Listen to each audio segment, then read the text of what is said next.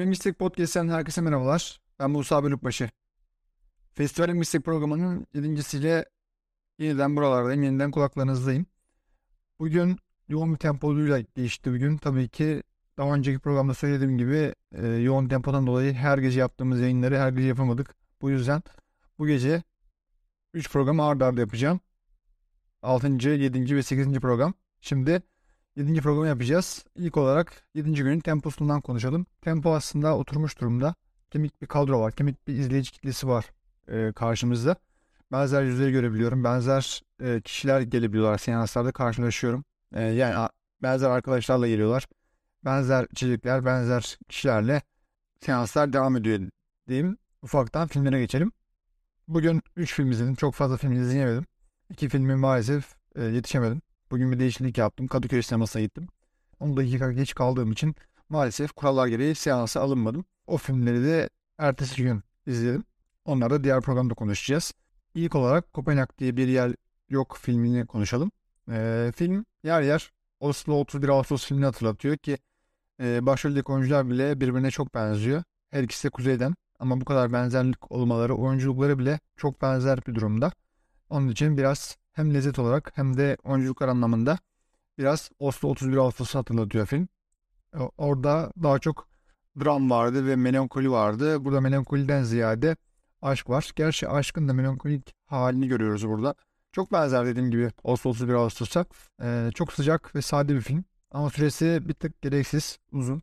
Ee, son yarım saati çok fazla yoruyor. Onun için biraz daha kısa olsa daha tatlı bir film olabilirmiş. 90 dakika veya 95 dakika bu film için bence ideal bir süre. Konusu ise tesadüfen tanışan bir kadın ve bir erkek birdenbire kendi birbirlerine aşık oluyorlar. Ve yavaş yavaş aşklarının bitmesine tanık oluyoruz biz. Ve aşk bittikten sonra kadın birdenbire oradan kaybolmuş. Kaybolmuş diyorum çünkü yer yer flashbackler ilerliyor. Biz aslında şu anki zamandayız. Ama kızın babası ve kardeşi kız ortadan kaybolduktan sonra adamı sorguya çekiyorlar. Kızın neler yaşadıkları ve nasıl süreçlerden geçtiklerini falan anlatmalarını istiyorlar. Biraz sorgu gibi ama tabii ki onu e, alıkoymuyorlar. Bu sorgu karşılığında adama para vermeyi teklif ediyorlar.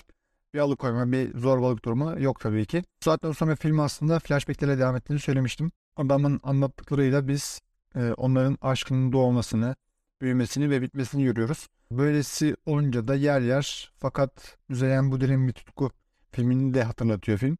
Lezzet olarak da birbirine çok benziyor e, iki sevgili arasında geçmesi, birdenbire biten aşklar, kadının veya adamın orada gerçi kadın birdenbire kayboluyordu ortadan. Gerçi burada da aynı kadın kayboluyor da ama aşkı bitiren e, o filmde kadındı. Burada aşkı bitiren erkek.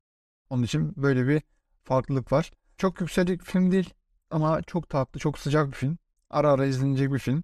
E, cumartesi akşama doğru gün batımında e, izlenecek tatlı bir film. Elinize belki bir içkiyle beraber yavaş yavaş yudumlayarak izlenecek bir film diyebilirim. Ee, ve diğer filmimize geçelim. Diğer filmimiz Iguana Tokyo.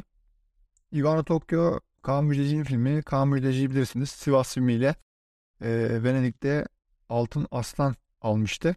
Ondan sonra zaten yönetmenin yıldızı parladı. Hatta bir yıl sonra Sivas filminden bir yıl sonra Kapalı Gişe diye bir belgesel çekmişti. Belgeselde Türkiye'deki sinema salonlarının dağıtım ağını eleştiren festival filmlerinin gişede gişe filmleri kadar salon bulamamasını gibisinden pek çok eleştiriyi Beyaz Perde'ye taşımıştı ki çok önemli bir belgeseldi. Yönetmen biraz da gerçi buradan yıldızı parladı. Bir kere bir şey daha oldu. Yönetmen yıldızını parlatan. Ee, biliyorsunuz Antalya Büyükşehir Belediyesi daha önce AKP hükümetindeydi. AKP tarafından yönetildiği için ulusal yarışma türlü sansür gerekçeleriyle iptal edildi. Müjdeci bir ön ayak olarak İstanbul'da ulusal yarışmayı tek başına düzenlemeye falan çalıştı. Bunu iki yıl boyunca sürdürdü. Sonrasında belediye el değiştirdikten sonra ulusal yarışma Antalya Film Festivali'ne tekrar konuldu ve bu şekilde Kaan Müjdeci de iyi bir çıkış yaptığını söyleyebiliriz. Tekrar filme dönelim. Konusuna geçmeden önce filmin Antalya'da en iyi sanat yönetmeni ödülü aldığını söyleyeyim. Sadece bu ödülü aldı. Çok fazla festival gezdi zaten film. Filmin yapım yılı 2019. 2020'de normalde vizyona girecekti. Şimdi çoktan vizyon ömrünün tamamlaması gerekiyordu filmin ama pandemi e, gelince film ötelendikçe ötelendi. Geçtiğimiz yıl ilk defa premierini Antalya Film Festivali'nde yaptı. Sonrasında pek çok festivali gezdi. hala da geziyor festival. Mesela İstanbul Festivali'ne dahi geldi. Ben çok şaşırmıştım buraya gelmesine. Yani çok komik. Küf tuttu. E, bayatladı. Koktu ya hatta ama hala festival geziyor. Çok ilginç. İlerleyen günlerde sanıyorum vizyonda gelecektir. Konusuna gelecek olursak baba bir gün iguana ve yeni teknoloji sanal gerçeklik cihazı alıyor. Eve geliyor. Ve bununla başka bir evrene geçiyorlar. Bir kızı ve eşi var. Onlara da öğretiyor nasıl e, bu sanal gerçekliği kullanacaklarını. Ve her biri sırayla veya aynı anda sanal gerçeklikle beraber farklı dünyalara kapı aralıyorlar. Ama ilerleyen zamanlarda bu artık gerçek ve sanal birbirine karışıyor. Filmin kalitesi buradan ortaya çıkıyor ki en büyük bence farklılığı kalitesi sanalın ve gerçeğin birbirine geçmiş olması. Benim burada direkt aklıma şey geldi.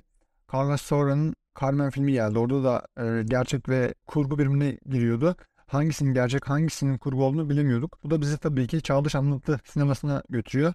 Bilirsiniz Çağdaş Anlatı'da seyirciyle özdeşlik kurmak yoktur. Karakterle özdeşlik kurmazsınız. Finalde bir katarsis yaşamazsınız. Klasik dramatik yapıya göre biraz daha farklıdır ve yani parçalı hikaye anlatımı vardır. Seyircinin içine, olayın içine dahil olunması beklenmez. Seyirci bu durumda sürekli aktiftir. Sürekli olayları takip etmek durumundadır. Pasif değildir. Filmden çıktıktan sonra hala filmi düşünmeye devam eder ve açık uçlu son vardı Şadış Anlatı'da. Tokyo Iguana burada gerçeği ve kurguyu ayırt edilemez duruma getirdiği için çağdaş sinemaya biraz meyil ediyor. Türkiye'deki gişede çok iş yapar mı? Çok sanmıyorum. Gişe için bir film değil. Belki festivallerde bile fazla gelebilecek bir konu. Bizim alışık olmadığımız bir konu. Salt bilim kurgu aslında buradaki olay. Ve çok fazla metaforik olaylar var. Oldukça deneysel ve bilim kurgu ağırlıklı dediğim gibi. Genel olarak bunları söyleyebiliriz aslında. E, Tokyo Iguana için.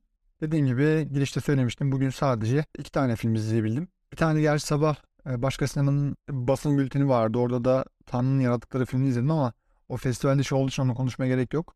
Totalde 3 film izledim aslında ama festivalde 2 film izlemiş oldum. Biraz verimsiz geçen bir gündü. Kalan diğer filmleri e, ertesi gün izleyeceğim. Onları da diğer programda konuşuruz. Bugünlük bu kadar diyelim. Başka bir programda görüşmek dileğiyle. Hoşçakalın. İyi geceler.